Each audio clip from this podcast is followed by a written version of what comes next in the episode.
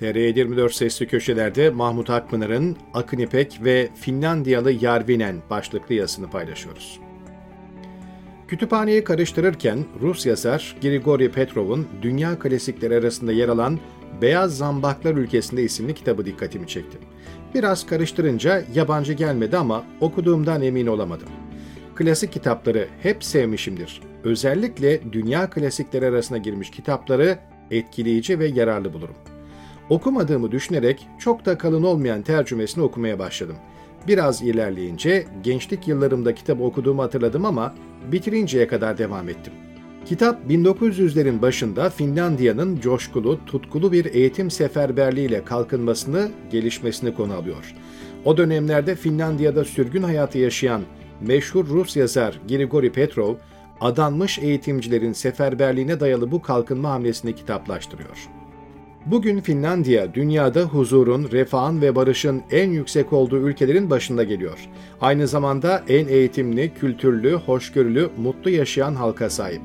Uzun bir süre İsveç tahakkümünde yaşayan Finlandiya, 1800'lerden sonra Rusya'ya bağımlı özerk bir ülke oldu.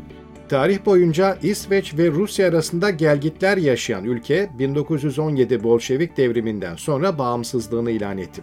Küçük nüfuslu, bataklıklar, göller ve kayalıklarla dolu, tarıma elverişli toprağa sınırlı, yeraltı zenginliği az Finlandiya, 20. yüzyılın başında yaptığı eğitim seferberliği ve toplumsal kalkınma hamlesiyle örnek bir ülke haline geldi. Bataklıklar ülkesini beyaz zambaklar ülkesine dönüştürenler, Snellman önderliğindeki eğitimciler ve onlara ekonomik imkanlar sağlayan bazı esnaflardır. Snellman köy köy, kasaba kasaba ülkenin her tarafını dolaşır, dersler verir, sohbetler eder, eğitim faaliyetlerini teşvik eder ve Fin toplumunda ciddi uyanışa vesile olur. Snellman'ın konferanslarından, öğütlerinden ve öncülüğünden etkilenen halk bu bilinçle okumaya, üretmeye, ülkesine katkıda bulunmaya çalışır. Halkın desteği eğitimcilerin gayretleriyle ülke çapında geniş bir eğitim, kültür, kalkınma seferberliği başlar. Samimi ve örgütlü çabanın sonucu ülke parmakla gösterilen Finlandiya'ya dönüşür. Objektif verilere göre Finlandiya bütün olumlu endekslerde ilk üçe girmektedir. Bu değişimin kahramanları eğitimciler ve esnaflardır.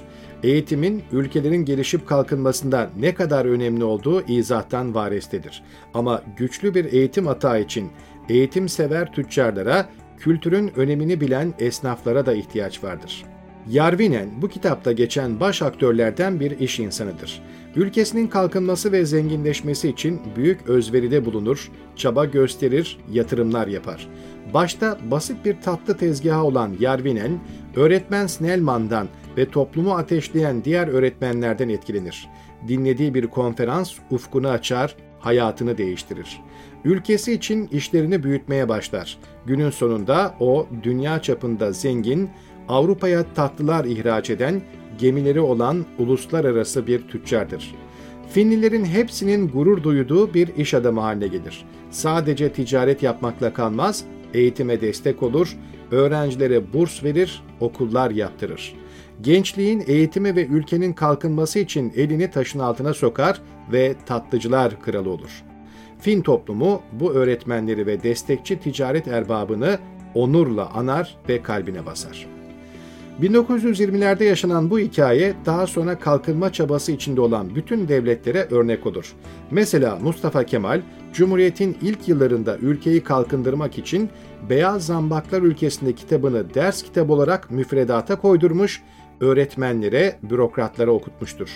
Keza Bulgaristan gibi Balkan ülkeleri ve yeni kurulan pek çok devlet bu kitabı başucu kitabı yapmıştır.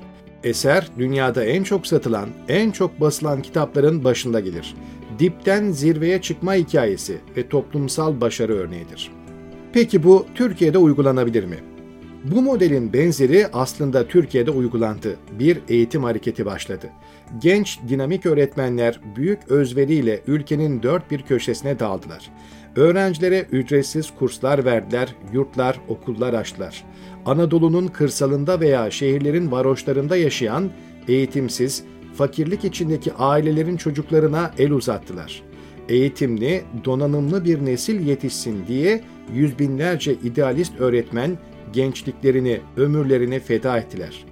Bu eğitim hareketi sadece Türkiye'de 1200 tane çok nitelikli okul, binlerce yurt, binlerce okuma salonu, 17 üniversite açtı. Her yeri kültür merkezleriyle donattı. Yetmedi, Asya, Afrika başta olmak üzere dünyaya dağıldılar ve oralarda da okullar açtılar. Tüm dünya bu öğretmenlere kucak açtı, faaliyetlerini takdir etti, ödüller verdi, bağrına bastı. Ama maalesef bu öğretmenler ve destek veren esnaflar kendi ülkelerinde terörist ilan edildi, hapislere atıldılar. Ticaret erbabının mallarına çöküldü, mülkleri yağmalandı. Toplum yağmayı, talanı, zulmü seyretti, çoğu zaman alkış tuttu. Öğretmenlerin, aydınların yüz binlercesi hala hapislerde veya sürgünde. Kucağında bebeğiyle okul koridorlarında gece gündüz eğitim için didinen kadın öğretmenler bebekleriyle hapislere atıldılar. Takdir beklemediler ama bu kadar büyük vefasızlığı da ummuyorlardı.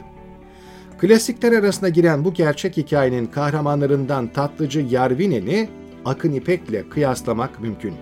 Aileden matbaacı olan Akın İpek kazandıkça eğitime harcadı, eğitime harcadıkça kazandı. Milli Eğitim Bakanlığı'na pek çok okul hediye etti. İpek ailesi en son kültür sanat ağırlıklı özgün ve Avrupa standartlarında harika bir üniversite kurdu.